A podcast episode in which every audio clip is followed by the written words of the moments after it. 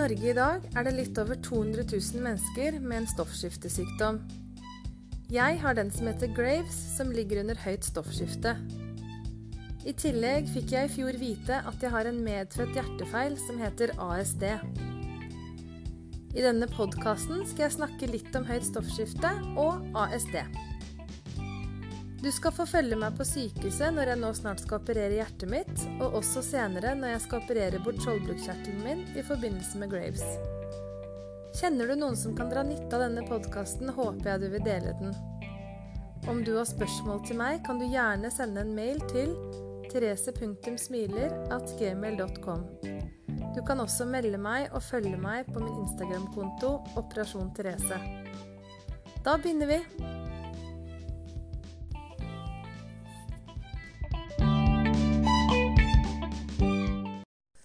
Velkommen til introepisoden av Operasjon Therese. Jeg har egentlig ikke noe manus på hva jeg skal si i episodene mine, men jeg tenkte at jeg vil at den skal være ekte, og litt sånn som ting er i øyeblikket. Men i dag så tenkte jeg at jeg skulle fortelle litt om når jeg fikk diagnosene mine Graves og ASD. Spesielt i forhold til Graves så er det jo noen symptomer jeg kunne ha sett, eller burde ha sett, eller ja, Det er litt vanskelig å forstå før i ettertid at man er syk. Jeg veit at det er mange som snakker om det. Man forstår liksom alt etterpå. Men i mai 2014 så dro jeg på legevakt etter jobben fordi jeg hadde hatt problemer med å puste og følte meg veldig uvel. Hadde også hjertebank. Men jeg hadde jo aldri hatt noe angst eller depresjon eller andre mentale utfordringer som tilsa at jeg skulle ha noe angstanfall eller noe. Jeg var jo også allergisk mot pollen, og det var jo mai, som kjent er den verste pollenmåneden. Så legen ga meg allergimedisin og mente at jeg ble bra av de. Utover sommeren så fikk jeg problemer med å snakke lenge med kundene mine. Jeg var butikksjef og senterleder på den tida. Jeg begynte å merke at jeg måtte trekke pusten bare etter noen få ord. Og noen ganger ennå så kjenner jeg at jeg ikke kan snakke i veldig lange setninger. Jeg blei veldig andpusten, hadde hjertebank. Jeg kjente faktisk pulsen min dunke i halsen. Um, var litt svimmel hvis jeg bøyde meg ned. Jeg ble sliten av å gå og hente en ting på lageret, altså én ting. Uh, hadde veldig tørre øyne. Uh, så jeg fikk ordna med rensing av luftfilter i butikken, for jeg trodde kanskje det var problemet. Uh, vi hadde heller ikke så god aircondition i den delen av bygget, så jeg tenkte at det kunne jo være det. I tillegg var det jo den sommeren hvor det var veldig varmt. Det var jo 30 grader omtrent hver dag. Og jeg var kvalm, men veldig sulten, spiste kjempemasse og var skikkelig fornøyd med at kroppen min endelig hadde bestemt seg for å kjøre i gang forbrenning, for jeg gikk jo ned seks kilo den sommeren også. Og jeg spiste absolutt alt jeg hadde lyst på. Uh, jobba i nærheten av en kafé, så det var jo dobbel latte med sirup. Og musliboller eller søte ting ganske ofte. Ja, mye, men uh, ingenting som satte seg. Jeg har aldri vært noe utprega ordensmenneske. Uh, jeg er veldig glad i datasystemer og sånne ting, og jeg liker struktur og system på jobb, men jeg har aldri vært spesielt ryddig. Men det ble ordentlig, ordentlig ille med at jeg la fra meg ting rundt omkring hele tiden som ikke hørte hjemme noe sted. Jeg kunne bestemme meg for å flytte en pall varer fra et sted til et annet, men når jeg gikk til det stedet, så huska jeg ikke hva jeg skulle gjøre der. Jeg blei veldig glemsk. Jeg, jeg satt kaffekoppen min på taket av bilen min tre ganger og kjørte av gårde. To av gangene var i samme uke. Jeg mista to bilnøkler den sommeren, så det blei jo veldig dyrt. Jeg kom stadig hjem uten telefonen min eller andre ting jeg skulle ha med meg. På høsten så ble jeg gravid, og moren min sa at jeg burde gå til legen, for hun var litt bekymra for meg. Og da gikk jeg til legen og forklarte hvordan jeg hadde det. Eller jeg klarte jo ikke helt å forklare alle de tinga jeg nå kan si, for jeg forsto jo ikke på en måte ting som at jeg hadde blitt glemsk, ikke sant. Jeg trodde jo jeg bare var litt stressa.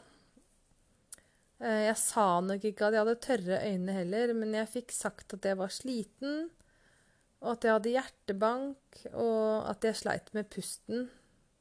At jeg følte meg veldig sliten. Da tok legen min blodprøver, og et par dager senere så fikk jeg SMS om at jeg måtte komme opp. De hadde påvist høyt stoffskifte, og det var viktig at jeg fikk tatt medisiner med en gang. Så da dro jeg bare opp til legen, og etter det har det jo vært noen opp- og nedturer. Eh, men det tenkte jeg at jeg skulle snakke litt eh, mer om i en annen episode, hvor jeg skal konsentrere meg bare om Graves og, og hvordan det er å leve med stoffskiftesykdom.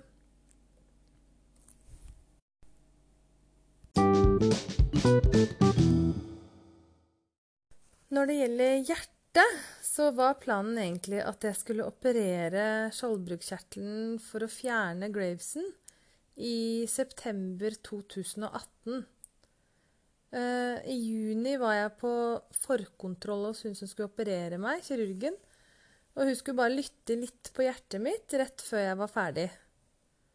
Uh, og plutselig så sa hun at jeg syns jeg hører en litt rar lyd der inne. Uh, og etter litt pause så sa hun jeg tror jeg sender deg til en undersøkelse av hjertet, jeg. I Tønsberg. Og jeg tenkte ja vel. Um, og hun sa det er ikke noe uvanlig å ha bilyd på hjertet, så det er sikkert ikke noe spesielt, men det er greit å sjekke før vi legger deg på operasjonsbordet. Til og med når jeg ringte til sykehuset i Tønsberg for å bekrefte timen, så sa hun i telefonen nei, det er helt vanlig å leve med bilyd på hjertet, og du trenger ikke å være nervøs. Og, og da hadde jeg ikke engang spurt eller, eller indikert at jeg i det hele tatt var noe nervøs. For jeg var jo ikke det, eller jeg tenkte jo ikke noe på det engang. Uh, når jeg da kom på sjukehuset, når hjertespesialisten skulle undersøke meg, så sa han egentlig ingenting. Eller, for det gjør de jo ikke. Uh, bortsett fra at han sa sånn Hm. Hm. Dette var interessant. Hm. Interessant. interessant, tenkte jeg. Da blei det jo litt sånn eller jeg ble litt Er det sånn at han burde hente flere folk her, sånn som det er på TV, eller sånn spesielle ting han ser her nå? Uh, er alt greit? Og så ble jeg bitte, bitte lite grann redd. Du, så sa jeg 'du sier jo ingenting'. Nei da, men jeg skal si noe snart, sa han. Og så sa han at jeg hadde en hjertefeil og at den var medfødt. Og jeg er jo 39 år, så det er jo ganske spesielt. og det som skjedde da, var jo at jeg måtte tilbake dagen etter å undersøke mer. Og så fikk jeg henvisning til eh, Rikshospitalet for videre undersøkelser. to uker eh, etter den undersøkelsen jeg hadde vært på da, så fikk jeg brev i posten om at jeg måtte vente 13 uker på time. Eh, men i papirene mine fra sykehuset i Tønsberg så sto det at jeg hadde noe som het pulmonal hypertensjon. Og det er visst noe sånn som at man har et høyt trykk inni hjertet. Um, og når jeg ringte tilbake til sykehuset for å høre hva epikrisen, hva ordene i epikrisen betydde, for jeg hadde jo egentlig ikke fått vite noen ting når jeg var der. Så jeg var jo litt eng, engstelig eller eh, ja, nysgjerrig kanskje også på hva det var.